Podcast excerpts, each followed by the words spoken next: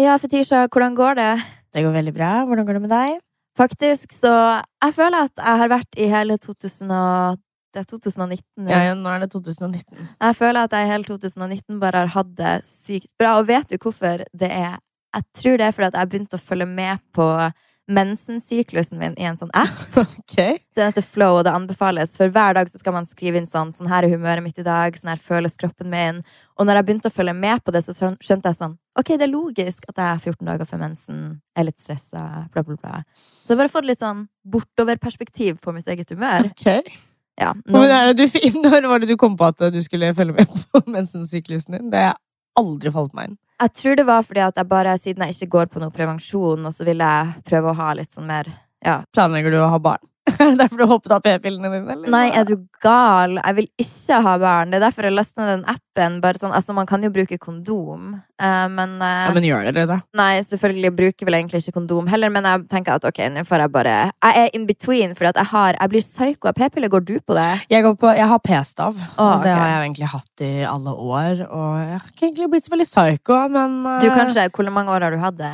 Jeg har faktisk hatt det siden jeg var 15. Ok, men da har du kanskje bare Den level of Ja. psycho du er akkurat nå, er på grunn av p-staven din. Har du noen gang tenkt på det? Nei, faktisk ikke. Jeg er bare inngrodd fra jeg var 15. Det er egentlig bare det. Altså, Mamma ga meg p-stav fordi at eh, jeg fikk mensen veldig tidlig. Og jeg hadde veldig veldig, store, veldig sterke mensensmerter. Jeg Fikk jo feber, oppkast. Jeg ble jo på ekte syk. Mm. Uh, og så tror jeg egentlig at mamma bare mistenkte at jeg var en ho ganske tidlig, så hun fikk meg en eh, sånn en. og- Oh, jeg husker når jeg skulle trygle mine foreldre om å få p-pille. Da var jeg typ 13 eller noe sånt. Jeg hadde skulka skolen for å dra og få tak i p-piller der hos helsesøstera. Så jeg ble jo tatt Altså, dumme meg gjør det etter skolen, for jeg ble jo tatt for å skulke skolen, så måtte jeg forklare hvorfor. Oh Og da var jeg sånn, å, det var fordi at jeg måtte få p-piller. Jeg husker liksom the shame, for jeg satt der i senga mi i Harstad med PC-en på fanget og sånn push-up og extensions til alle kanter, og de bare 'Hvorfor vil du ha p-pille?' Jeg var sånn, fordi jeg er i mensensmerte. Og da tror jeg de tvilte på at jeg i det hele tatt hadde mensen. Jeg var jo liksom sånn ja. Men ringte helsesøster og liksom sa det? Eller var Nei, det skolen de ringte De meg jo, for jeg var jo borte. Jeg bare dro midt i liksom en time da for å dra og skaffe p-pille. Det var urgent med den ligginga, der, Ja, for å si det sånn. Heftig. Men hallo, noe, siden sist vi prata, så har det jo skjedd ganske mange syke ting i uh, popkulturen. Internettverden, yes. Jeg vil si at den um, Ok, basically Hvordan er det vi skal komme oss inn på det? Ja. Jeg må bare si det rett ut, fordi at uh, Anne-Britt, uh, blogger og kakemor og mor generelt, Ja. skal jo da Eller har da sletta bloggen sin for at hun skal gi ut en bok, 'Kvinner som hater kvinner'. Tror du det er PR-stunt at hun har sluttet å blogge? Ja, men er du gal? Selvfølgelig. For at hele bloggen Jeg måtte jo gå inn da. Hele bloggen hennes er jo bare helt sort, og så står det noe sånn «Øh, Takk for meg, kvinner som hater kvinner. Et eller annet. Er det det som er inne på bloggen hennes nå? Ja, den er liksom helt sort, og så står det bare reklame for boka, da. Okay, Sånn sett er det et ganske smart og vågalt move, syns mm. jeg. Sånn, jeg hadde aldri turt å gi opp alt mitt, mine andre inntekter for, eh, for en bok, da. Men eh, tøft at hun tør akkurat det. Enig. Men legendarisk, fordi at Anne-Britt drar da på God morgen, Norge. altså, du har sett det klippet her. Det klippet er ikonisk, så hvis folk ikke har sett det, så har um, Harmo Hegseth lagt ut et lite klipp. Men egentlig anbefaler jeg å se hele intervjuet på Sumo, for at hele intervjuet er fantastisk. Men det beste øyeblikket er da vår, som er den mest legendariske av alle God morgen Norge-journalister. Kanskje, kanskje den mest legendariske journalisten Norge har. For at vår hun bare er en så utrolig dårlig journalist at det liksom For at hun hun driter i å få folk til å prøve å føle seg komfortabel. Hun har ingen sånn Hun klarer ikke å skjule hva hun mener i det hele tatt, og jeg elsker jo det. Men i alle fall, så Vår sier um, For hun høres jo alltid litt sånn usikker ut, på en måte, så sier hun Uh, ja, er det noen som kan uh, grue seg til uh, denne boken um, kommer ut? Og så sier Anne-Britt Vår Det blir et jordskjelv. Bare vent og se. Og så ser hun, hun vår dødt inn i øynene, så det stiller stille.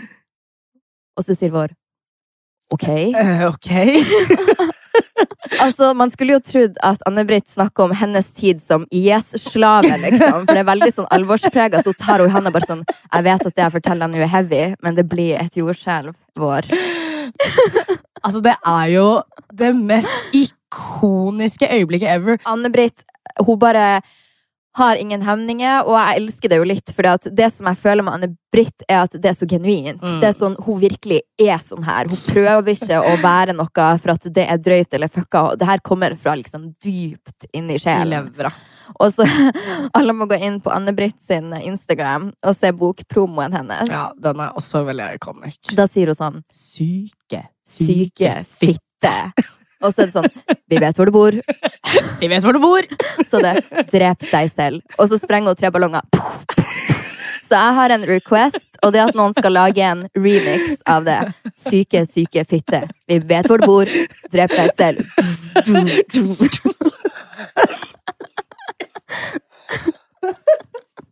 Ok, girl, du burde ta deg av den remixen der til den siste DJ-giggen du har.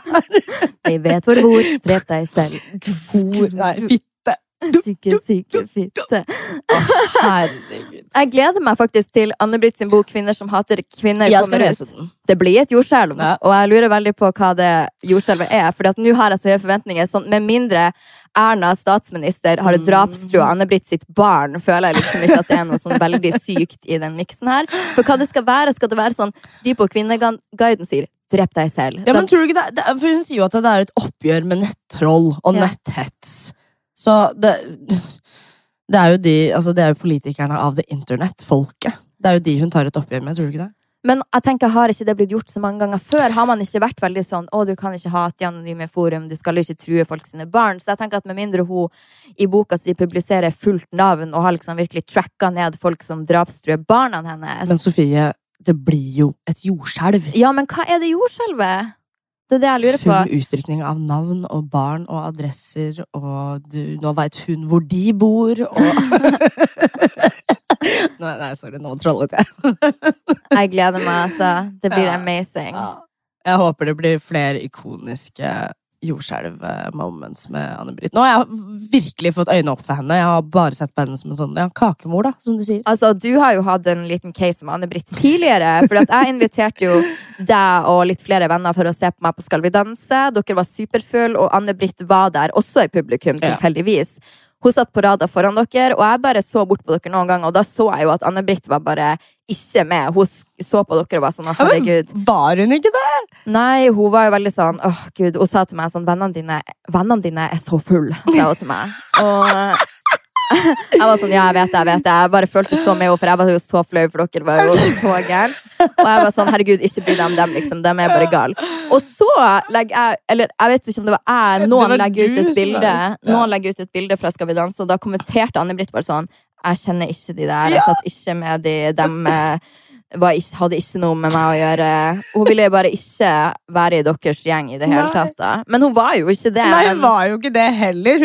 Kom, jeg tror til og med hun tagget oss i eh, kommentaren din. I hvert fall Joakim tror jeg hun tagget. Og, ja. Ja, ja. Det var jo en liten shade fra Anne-Britt der, så Ja. du, kanskje det blir en liten Kanskje det er deg hun skriver om ja, ja, ja. Uff, girl, I need that publicity, honey. Men vi har en uh, ny uh, Eller vi begynte forrige podkastepisode at vi har med ukas uh, leser Eller leser, sier jeg, for jeg er så vant til å ha blogg og Men ukas lytterspørsmål. Yes. Og jeg fikk en veldig søt melding fra en jente som lurte på om vi kunne snakke litt om kroppskompleks. Og da tenkte jeg at det kan vi gjerne, men det er et så vidt tema at jeg spurte lytterne våre om de kan sende meg en mail og skrive inn deres kompleks.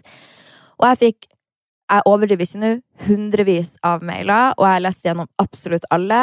Og det å lese gjennom alle disse mailene til folk, det gjorde faktisk at jeg følte meg litt sånn Altså, ikke bra med meg sjøl, det blir så feil å si, men det fikk meg bare til å innse at folk er usikre på ting som de tror de er helt alene om, men så ser jeg at det er de samme tingene som går igjen og igjen og igjen. Og derfor vil jeg gjerne ha det her temaet og bare snakke om kompleks og bare vise folk at det kan være så mangt, Yes. men du er liksom ikke alene om det du tror du er helt alene om. Og jeg har følt mange ganger i løpet av mitt liv at herregud, jeg er den eneste i verden som er usikker på det her, og alle andre er helt perfekt på akkurat det her.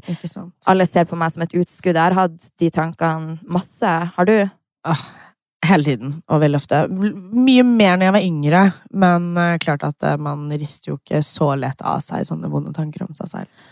Og så vil jeg jo også presisere at det er en stor forskjell på et kompleks og en usikkerhet. Jeg føler at Man har jo dager der man syns selv at man er pen, man har dager der man syns man er stygg. Man kan den ene dagen kanskje være usikker på håret sitt, og så kanskje usikker på eh, huden sin. Men det er liksom usikkerheter, de kommer og går. Men et kompleks kan nok være litt mer tungt å bære, fordi det kan definere måten du oppfører deg på. At du tar visse valg fordi at jeg er så usikker på det her at jeg kan ikke gjøre eller sette meg selv i visse situasjoner. da. Og det er heavy og noen ting jeg vil snakke om, men forhåpentligvis ufarliggjøre litt. da. Ja, og det er også meningen med det er jo ufarliggjøre det, og ha en åpen dialog om det, rett og slett. Husker du første gangen du hadde en negativ tanke om deg sjøl? Det trenger ikke være utseende, men hva som helst. Det må vel ha vært Altså, det var ganske tidlig, og det var vel ikke Jeg kan ikke huske at det var sånn direkte rett rettet mot en, en kroppsdel. Men jeg husker håret mitt. Veldig, har afro? Ja. Håret mitt. Uh, veldig tidlig var en usikkerhet hos meg. Var det eh, fordi at du Eller hvorfor var en afro en usikkerhet? Var det fordi at du var her i Norge, og det var ikke så normalt? Ja, fordi når jeg var i USA, så følte jeg ikke noe på det. Fordi at da har jo alle jentene har jo fletter, og du vet berets og perler i håret, og du vet Og jeg ville ha med meg de hårfrisyrene til Norge, og ikke nødvendigvis bli mobba, men å bli titta litt merkelig på. Og du vet at eh, når jeg kom til Norge, så vi, vi, var jo ikke så mange mørke i klassen, hvis du skjønner.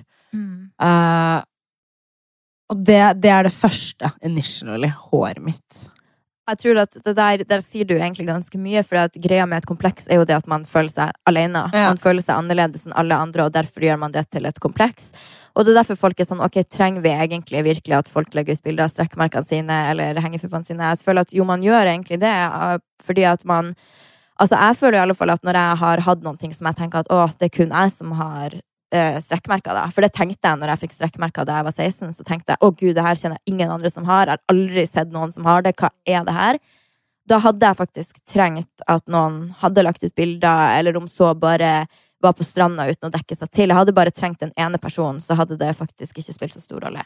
Det jeg hadde lyst til, siden jeg fikk jo en del Altså, folk har vært superåpne mm. med meg. Det som overraska meg litt, var at det er så utrolig mange der ute som har komplekser for smilet sitt. Eksempel at de føler de har rare tenner, eller at de bare ikke syns at smilet deres er noe fint, eller ja, en ting som gikk veldig igjen, hvis jeg fikk over 100 mailer, da, så var det i hvert fall ti mailer som handla om at folk syns det er ukomfortabelt at de viser mye tannkjøtt når de smiler.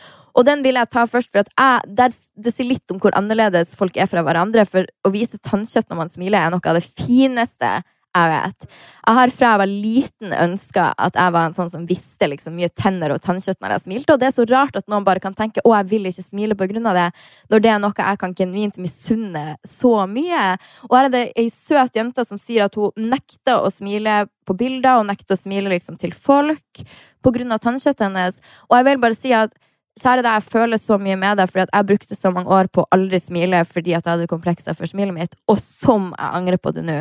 Jeg har ikke ett eneste bilde av meg fra oppveksten der jeg smiler. På alle bilder så skjuler jeg liksom munnen eh, med hendene mine. Og jeg bare gjorde meg sjøl liksom mer og mer usikker ved å drive og skjule det her. Og nå tenker jeg, hvorfor det? Det er sånn Jeg bare Jeg kan forstå at det er en usikkerhet for deg, men jeg misunner genuint det du er usikker på. Er ikke det rart? Det er så merkelig. Vi er så forskjellige. Ja, ikke sant? Og det er jo aldri noe du Altså Det blir så klisjé å tenke og si, for alle skjønner jo at ok, det her er noe jeg tenker på sjøl, og andre tenker ikke kanskje på det. Men oppriktig, liksom. At ditt største kompleks kan være noe andre misunner deg så mye før. Altså, Er det noe som du bare liksom misunner folk for? Som du, altså At du noen ganger har hørt en venninne si 'Å, jeg hater det her med meg sjøl'. Så er det sånn 'Hæ, nei, det er det fineste'. Altså fregner og føflekker og liksom skjønnhetsmerker i ansiktet. Fordi jeg har jo veldig pen og ren hud, og jeg har jo et pent ansikt, om jeg får si det selv, men jeg føler ikke at jeg har noe sånn spesifikke bemerkelser, hvis du skjønner. Sånn som du har jo litt fregner. Eh, jeg har eh, Martin, for eksempel, som har et par eh, skjønnhetsflekker i ansiktet. Det misunner jeg. Eller gap mellom tennene. Ja, for det er så mange som er sånn her mellomrom mellom tennene. Ja, det syns jeg er så fint. Mia, min bestevenninne, hun har gap og hun, alt hun vil i verden, er å fikse det gapet. Og jeg klarer ikke å skjønne hvorfor. Det gjør hun så spesiell, så unik og så egen, og jeg bare ah, Nei, hvorfor skal du fikse det? Jordan også har jo gap, og hun har jo fikset det ennå. Ja, og da mista hun faktisk litt av sin Jeg er særegenhet. helt enig. helt enig. Hun er jo fortsatt utrolig pen, men uh, den, ja, den særegenheten bare uh, Du sa jo til og med til meg at du hadde lyst til å fikse et mellomrom mellom tennene dine. At du hadde syntes det hadde vært fint. Og igjen, det sier jo litt, liksom. Ok. Jeg fikk en mail som traff meg veldig, og som jeg har vært så usikker på om jeg skal ha prate om i podkasten i det hele tatt, fordi at det er såpass personlig for meg. Øh, jeg kjenner at jeg skulle ønske at vi på en måte bare var alene, at vi ikke snakka i en pod, liksom. Fordi at det her er noe som jeg bare har holdt for meg sjøl hele mitt liv. Men ok, here it goes. Det var ei jente som skrev her. Jeg har et så enormt kropps, kroppskompleks at det stopper meg fra å ha sex med gutter jeg virkelig liker, og ødelegger også en framtid med dem, for de sikkert syns det er ukomfortabelt å prøve å få meg i senga og aldri få et ja. Jeg er snart 22 år og har hatt sex med en person som er eksen min. Kroppskomplekset mitt er at jeg ikke liker hvordan jeg ser ut der nede, altså vaginaen min. Det er litt mer fitte enn hva man ser i porno, for eksempel. Og så sier hun at hun har dette komplekset fordi at mora til ei venninne påpekte når hun var lita at oi, du ser ut som en gutt fordi at du har så mye der nede. Som er forresten helt sykt å gjøre at Ja, en voksen person skal kommentere. si. Ja, det er jo helt jævlig, liksom. Og så sier hun at hun har gjort litt research for å se hva som er normalt der nede. Og at hun har funnet ut at hun er ikke unormal, men det bare føles ikke sånn ut.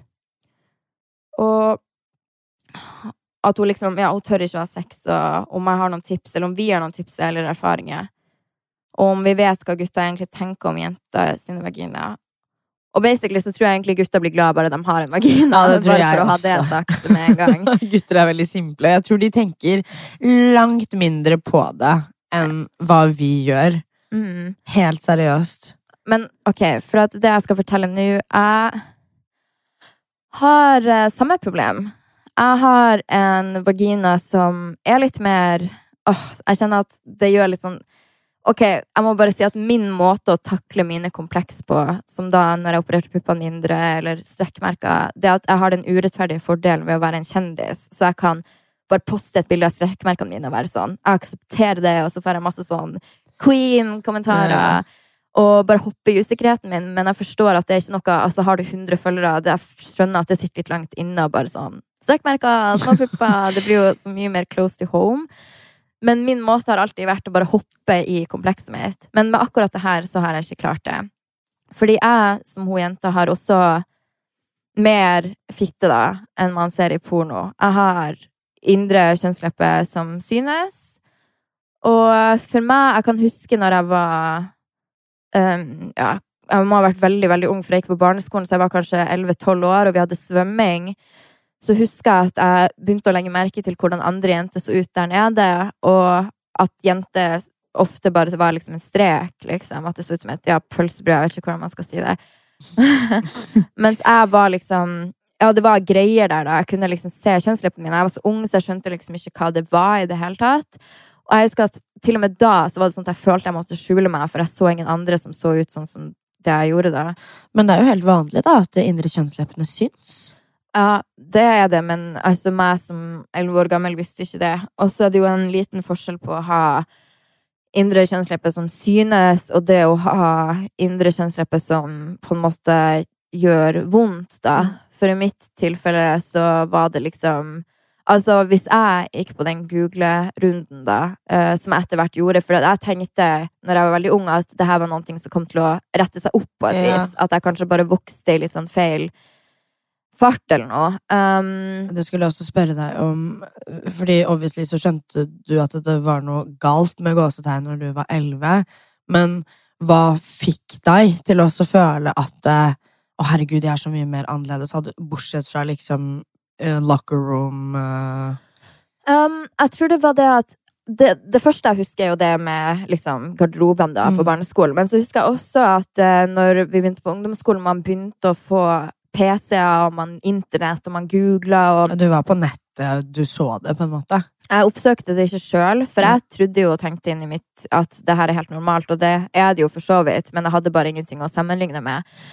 Men at uh, gutta i klassen viste meg bilder av ulike vaginaer og var sånn 'Du har vel ikke sånn her, for det er ekkelt', typ. Og så var det jo sånn jeg hadde det. Og nå vet jeg jo at det, liksom, det var jo gutter som aldri hadde hatt sex før. De hadde jo aldri sett en jente før. Det eneste de hadde å sammenligne med, var porno, som er Altså, For det første finnes det mange typer av porno. Så når man har sett på porno i et par år, så skjønner man at ok, det finnes egentlig ingenting som er en pornofitte. Den pornofitta man ser, er veldig sånn riktig. basic porno. Det yes. finnes fetisjer for alt. Yeah. Og hvis man søker på liksom Ja, porno, så kommer det også dem med indre kjønnslepper som vises. Men da var det veldig sånn Å, sånn har vel ikke du, for det er ekkelt. For de visste jo ikke. Det her var jo gutter som aldri hadde klint med noen, eller noe. Men i meg så fikk det meg til å føle at ok, jeg er annerledes.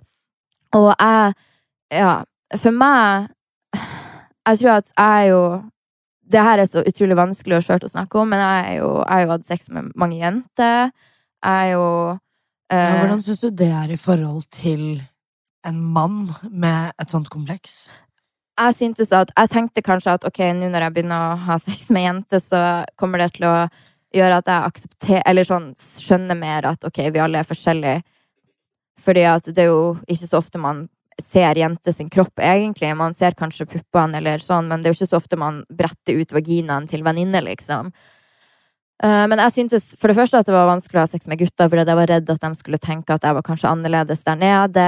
Men det, var, det er aldri noen som har sagt noe til meg om kjønnsleppene mine. Um, men um, så begynte jeg å ha sex med jenter, og det syns jeg kanskje var litt mer ukomfortabelt fordi at uh, det var liksom Ja. Ja, jeg ville kanskje synes at det hadde vært nesten mer ukomfortabelt med en jente kontra ja, en gutt. På mange måter, for ja. da har man noen liksom å direkte sammenligne seg med på ja. en så intim setting, men også med liksom kropp og pupper og alt det der. Men greia er at jeg vet, og det her er så utrolig viktig å eh, pre eh, presisere, jeg vet at det er normalt å ha indre kjønnslepper som synes. Jeg vet at det er normalt å ha indre kjønnslepper som stikker litt ut. Sånn fuck yeah, jeg syns det er fint å ha.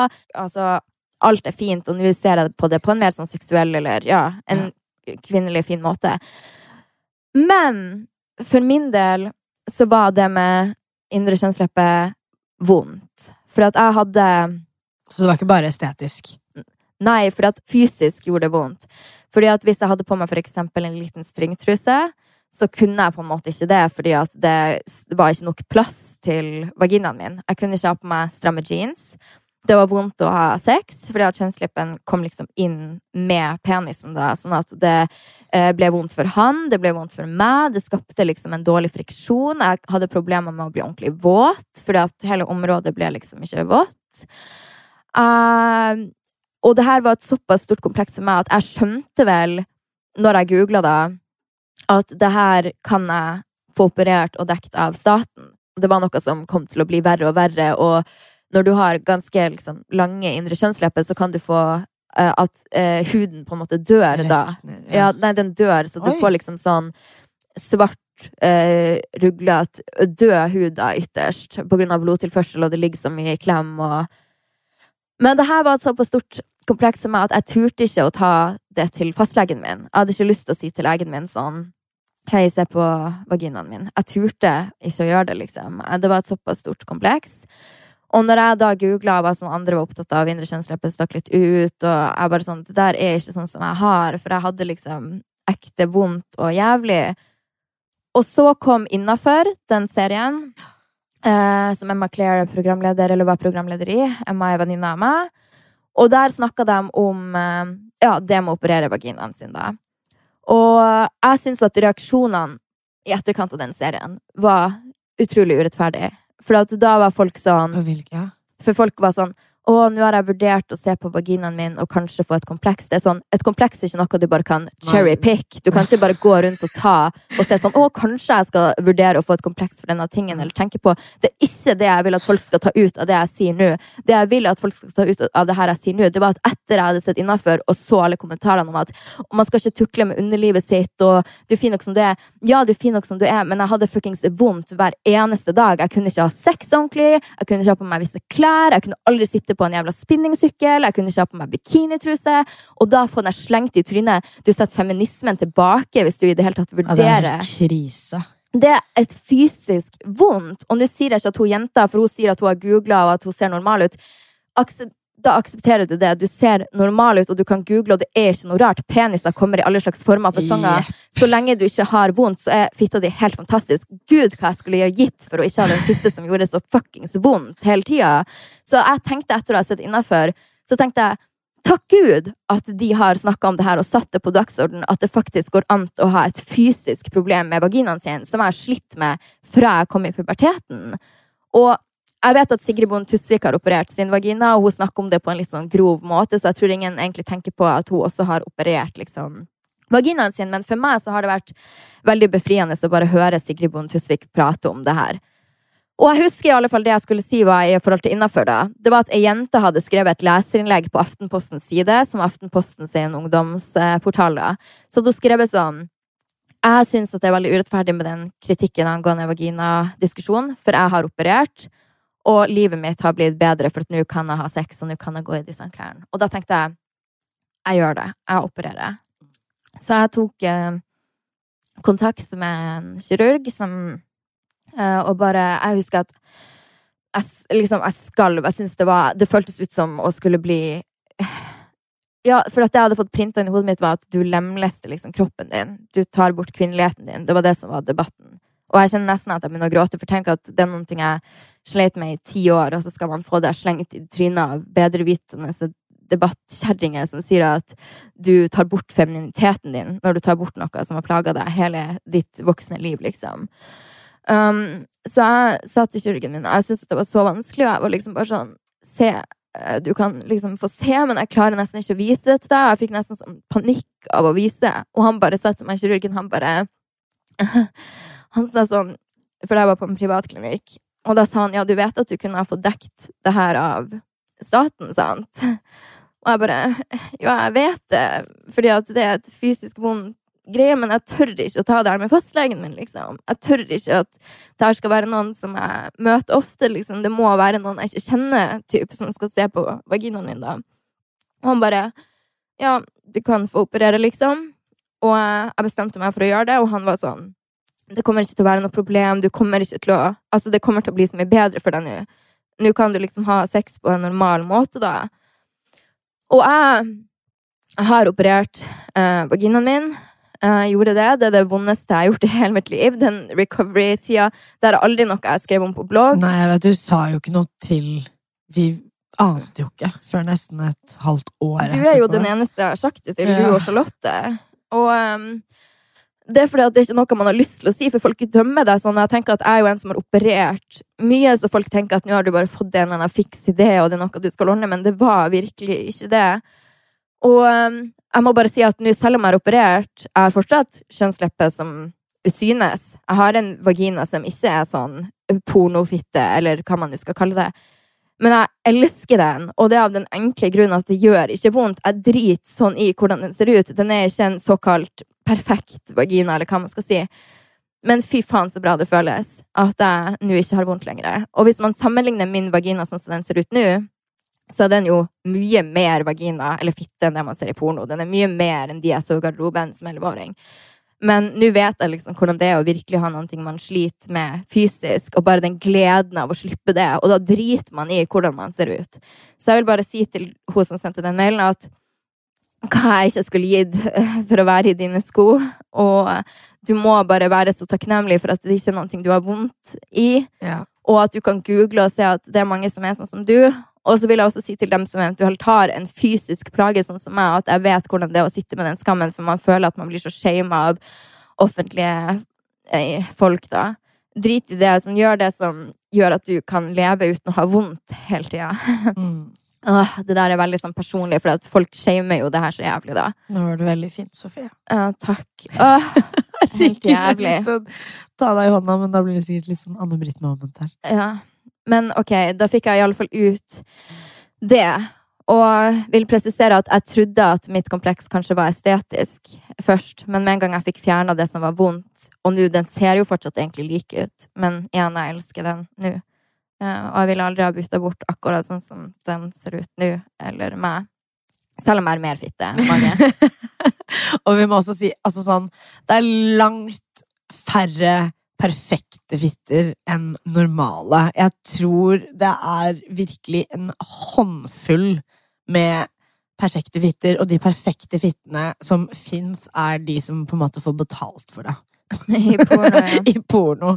Og så uansett så liker folk forskjellige ting, tror jeg det er så viktig å huske på. For jeg har ei venninne som sa til meg, og det her var før jeg opererte, og jeg visste jo aldri liksom underlivet mitt til noen, men da var det ei som random så hvordan jeg så ut på vei ut av dusjen. Og da var hun sånn Herregud, du har så fin eh, fitte, liksom. Og jeg var sånn Herregud, nei, ikke se på den, ikke se på den. Men da fikk jeg bare en liten sånn Herregud, det er faktisk preferanser for alt mulig, liksom. 100%. Og det er viktig å huske på. Og altså, jeg har møtt gutter som for eksempel har en veldig fin penis, eh, som har et kompleks for den av en eller annen grunn. Altså, gutter har jo komplekser for så mye rart der nede også, som man aldri tenker over. Ja. Men generelt sett så syns jeg at folk i samtaler skal bli flinkere til å ikke shame underliv, for man er så fort med å tenke sånn å, jeg lå med noen som så sånn ut, eller at man prater sånn i gruppe. Da. Jeg jeg er helt man, enig. disse eller personligheten deres, eller hvordan de på en måte væremåten deres, ikke hvordan de er nedentil. Ja, det, jeg tror det er noe man sier for å hevde seg sjøl.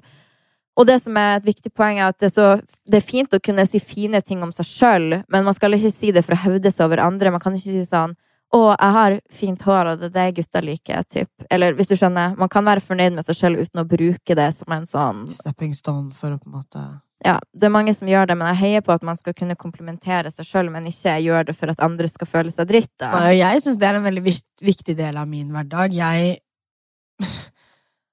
har utrolig mye selvtillit, og den selvtilliten har kommet fordi at jeg prøver så godt jeg kan å være flink til å si pene ting om meg selv.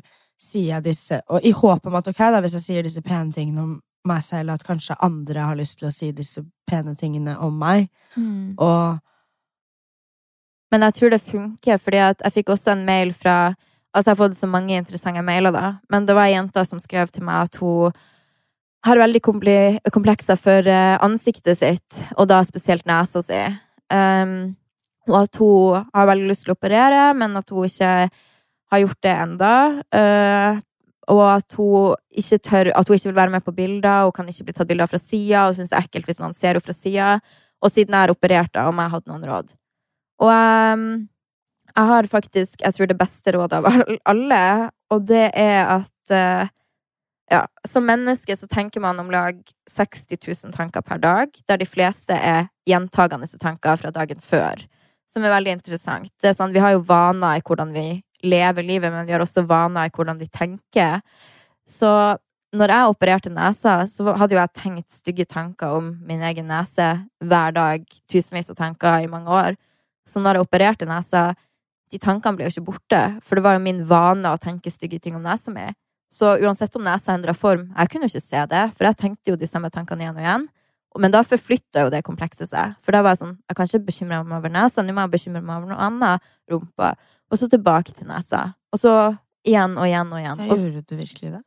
ja, jeg er jo gal, for tankene bare repeterer seg sjøl, og det er jo det du sier, at du har jo god selvtillit, du er flink til å si fine ting om deg sjøl. Så når du opererte puppene, så var det ikke sånn at du måtte endre hele væremåten din. Nei, Altså, jeg måtte ikke, men jeg følte at jeg gjorde det. Jeg følte meg for det første mye lettere.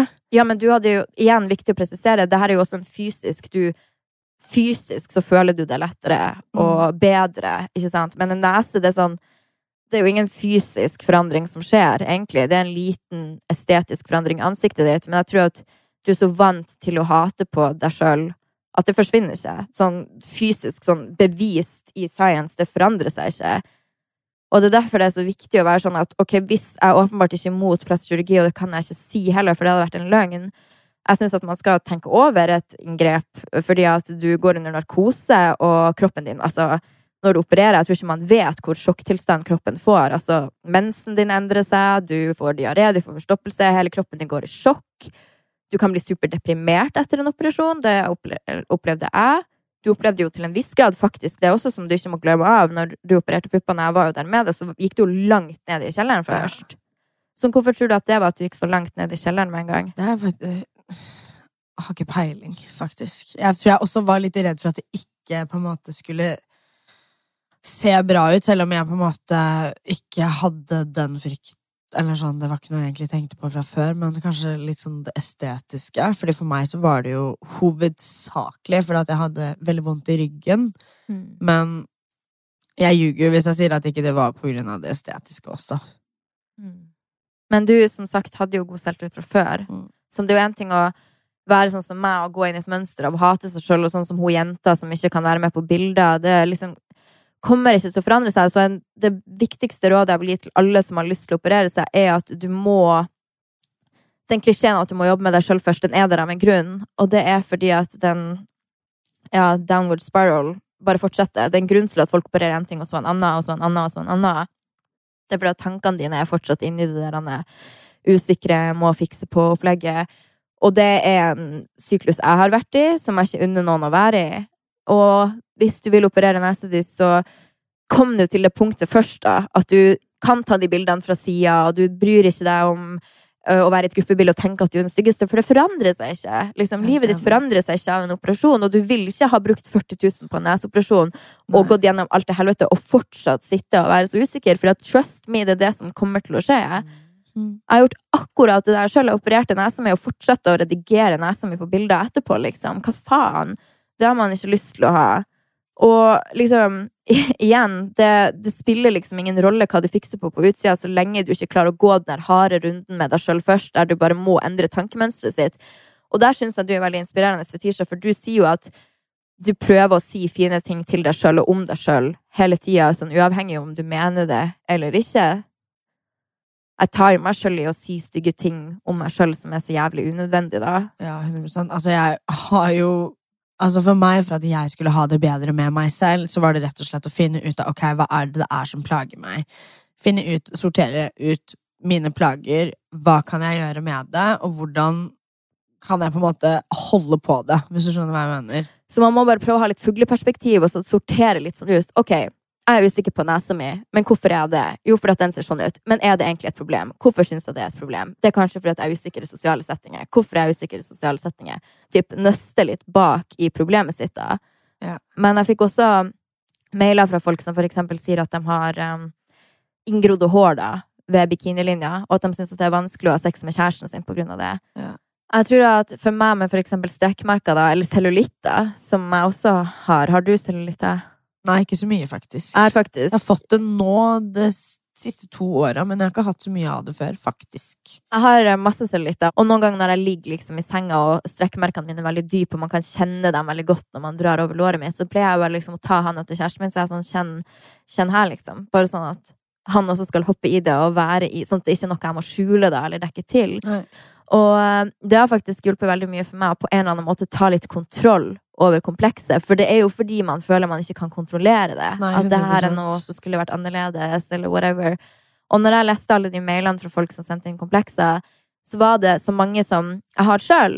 Og da var jeg bare sånn Men herregud, at jeg prøver liksom bare å eie det litt, hvis du skjønner. Sånn, det var noen som var sånn Er korte bein? Så sånn, jeg har også korte bein. Det er ingenting du kan gjøre med det. Er Jeg har dritkorte bein. Det er Mm. ingenting du kan gjøre med det. Overkroppen min er kjempelang i forhold til beina mine. Men det er ingenting man kan gjøre med det, så hva skal man gjøre? Ikke fokusere på det. Eie det, og snakk hva- man- Vi må være flinkere til å være snillere mot oss selv. Ja, og så for guds skyld ikke Ja, så må man slutte å si Altså, når jeg sier fine ting om meg sjøl, så kan folk si 'herregud, sier du så fine ting om deg sjøl'? Ja, Ja, selvfølgelig. 100 That gets me through the day. Å snakke fint om meg selv. Og ikke sammenlign deg selv med noen andre, men heller sammenlign deg selv med deg selv.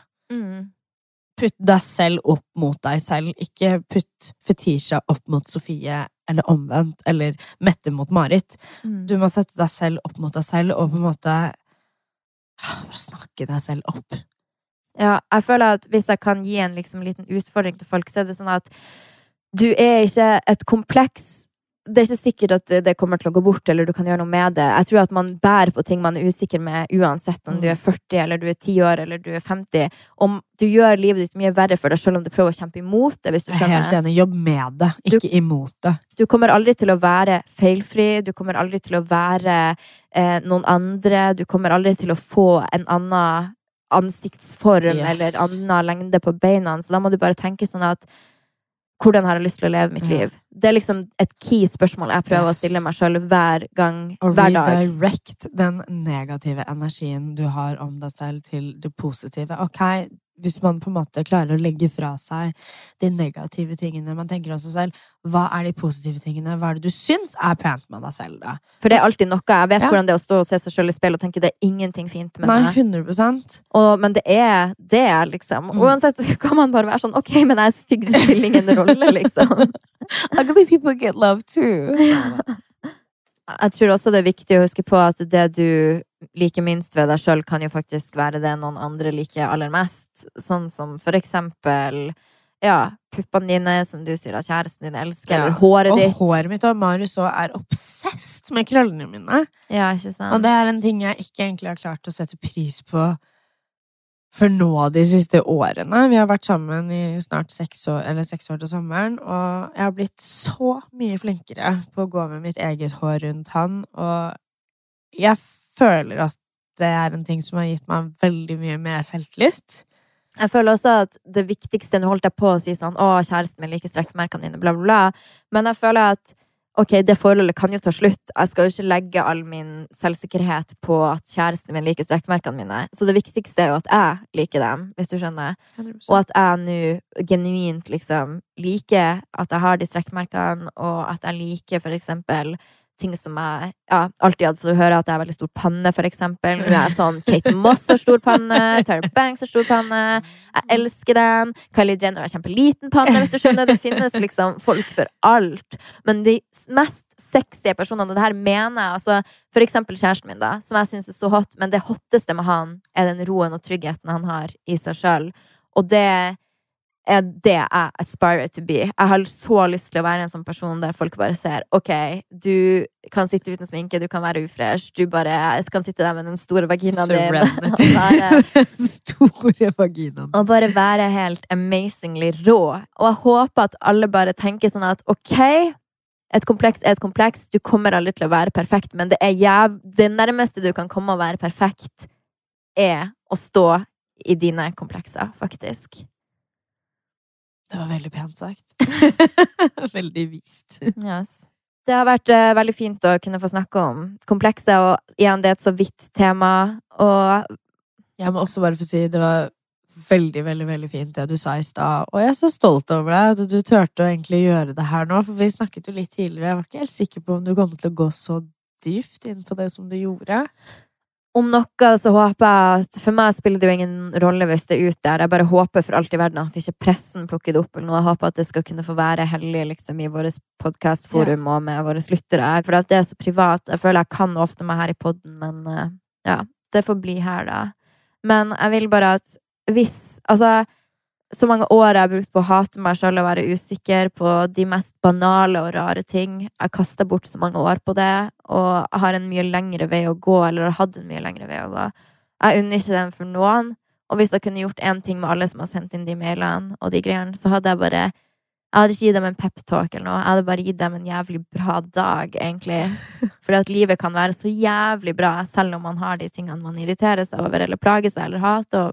Altså Du bestemmer over ditt eget liv, og du fortjener bedre enn å hate deg sjøl, liksom. 100 Så ja, det var alt for denne gang. Folk hadde ønska seg en bedre avslutning. Så jeg tror vi begynner å avslutte nå. Vi avslutter nå, og så snakkes vi neste tirsdag. Og takk for alle mailene, og fortsett å sende inn mailer til oss om det er noe Yes. dere vil vi skal prate om eller snakke om. Mailinfoen finner dere inne på podkasten vår. Det! Ha det!